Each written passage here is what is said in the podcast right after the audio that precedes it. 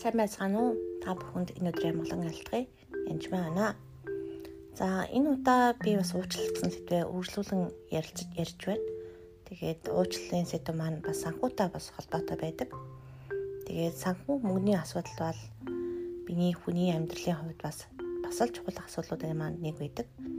Ялангуяа санхүүгийн хүндрэлтэй байх, ажилгүй болох, үр зээлэнд орох, мөнгөө алдах Энэ бүх зүйлд эрчүүд бол эмгтэй мөчүүдээс илүү шаналдаг байгаа.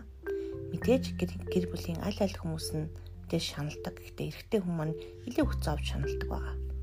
Тэгэд айлын аавууд, айлын хань ижлүүд, хүүхдүүд ч гэсэн мөнгө санхугаа алдах, мөнгө олж ирэхгүй байх, ажилдахгүй байх зэрэгтэй өөрийгөө буруутгаж байдаг байгаа. Энэ бүх зүйлээс болоод энэ тэтгэлийн дарамтнаас болоод нэг бол архинд орох, Нэг бол хоорондоо байнгын хэрвэлтэй байх, гэр бүл салах, өв бүр цаашлан амиа орлох хүртэл явдал гарч ирдэг. Тэгэхээр би та бүхэнд нэгэн харамсалтай жишээг бас ярих гэж бодож байна. Аа тэгээд яагаад энэ санхүү мөнгө чинь яхаараа уучлалтай холбоотой байдаг вүлээ гэж та бас бодож болох юм. Тэгэхээр санхүү мөнгөний асуудалтай байх юм бол нэгдүгээрх нь залбирдаг байгаа яаж залбирдаг вэ гэхээр энэ үр үр зайл Иесусийн нэрээр үр маань зайл гэж үрийн хараал зайл гэж залбирдаг байгаа. 20 дугаарт нь энэ үр санхугаас болохын тулд өргөлүүдийг өргөдөг байгаа. Хүр дээр бол баруун тишээ явж байгаа одоо явах ёстой өргөлийг маань нөгөө тишээ зүүн тишээ буюу дандаа сөрөг данс маань сөрөг болох үед бид өргөл өргөж эхлэх ёстой байдаг. Гэвтэл өргөл өргөх юм уу эсвэл кредит карта хаа ингэдэг гэдээ маш олон санхүүгийн зөвлөгөө өгдөг олон байгууллага байгаа л да. А гэхдээ Библиэлд юу гэж бичигдсэн байдаг вэ гэхээр эхлээд ах トゥ утэйгээ эвлэр дараа нь ирж өргөлөө өрөг гэж бичигдсэн байдаг.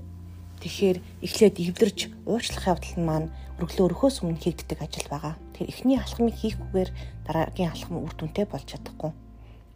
Тийм учраас ах トゥ утэйгээ болон өөртөөгөө уучлах явдал маш чухал. Ялангуяа өрөнд орсондоо ажилгүйтэй болж шаналж байгаа шаналгаа бол маш их чухал байгаа. Тэгэхээр тэр үед яг тийм хэцүү үед ялангуяа сэтгцийн хувь дарамттай үедээ бол баруун зүүнээ ялгах, буруу зүгөө дэнслэх тийм боломжгүй байдаг. Тэгэд энэ үед бол мэдээж залбирал уучлал маш чухал байдаг. Тэгэд би энэ дэр харамсалтай жишээ одоо ярих гэж бодож байна.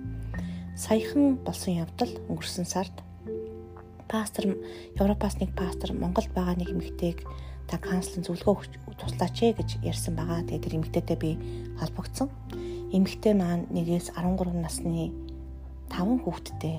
Тэгээд саяхан бид өсөж очирсон эмэгтэй байсан. Ханижлаа алдаад удаагүй нэг 2хан сар болж исэн. Байнгын буруутгацсан байдалтай би хэрв тэр нөхөртөөгөө хэрэлдэггүй байсан бол тэх байсан, ингэх байсан гэдэл дандаа өөрийгөө буруутгах байсан эмэгтэйтэй би ярьсан баг. Тасралтгүй уйлжсэн.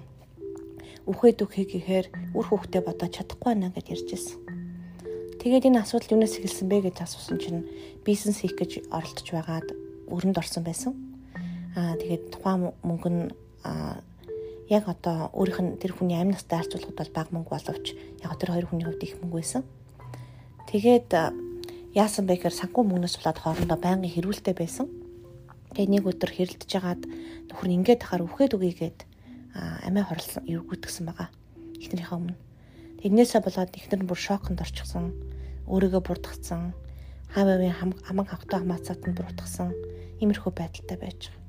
Аа тэгээд нэг өрн алга босног бол болоогүй харин ч нөгөө шүүх цагта өрийн нэхэмжлээд хамаг дансаа нэмэгтэйг хаачихсан өөрөө ажилгүй таван жоохон хүүхэдтэй тийм эмэгтэй зөвхөнгөө бараад тэгээ Иесус төр ирсэн. Тийм хүнтэй би уулзсан.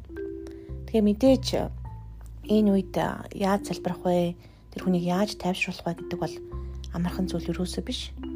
Гэхдээ Бурхны мэрэгүү хаан нэгүсэл хайрын тусламжтайгаар энэс боломжгүй биш боломжтой зүйл байгаа. Тэгэхээр ийм аргалтаанд орохоос өмнө санхүү мөнгөний асуудал дөнгөж эхлэх үед санхүү мөнгөнийхөө асуудлаас болоод хоорондоо байнгын хэрэлддэг салах дээрээ тулсан олон асуудалтай би таарч байсан.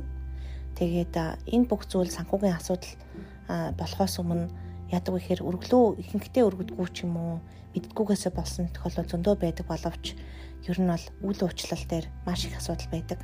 Ялангуяа өөрийгөө буруутгах явдал маш их байдаг. Тийм учраас та бүхэн маань бас өөрийгөө буруутгалаасаа ялангуяа уучлал гэдэг асыг зүгээр нэг уншдаг биш аа би мэддэг дээ гэдэг биш харин яг чин сэтгэлээсээ уучлалдаг хэрэгжүүлдэг хүмүүс байх чинь одоо үнэхээр тийм байгаасаа гэж хүсэж байна. Тэгээд та бүхэнд дараачийн хичээлүүдээр дараачийн подкастуудаараа би яаж уучлалын залбирал хийх юм бэ? А түнчлэн бас би өөрийнхөө бас гэрчлэлийг бас хуваалцана гэж бодож байна. За баярлалаа.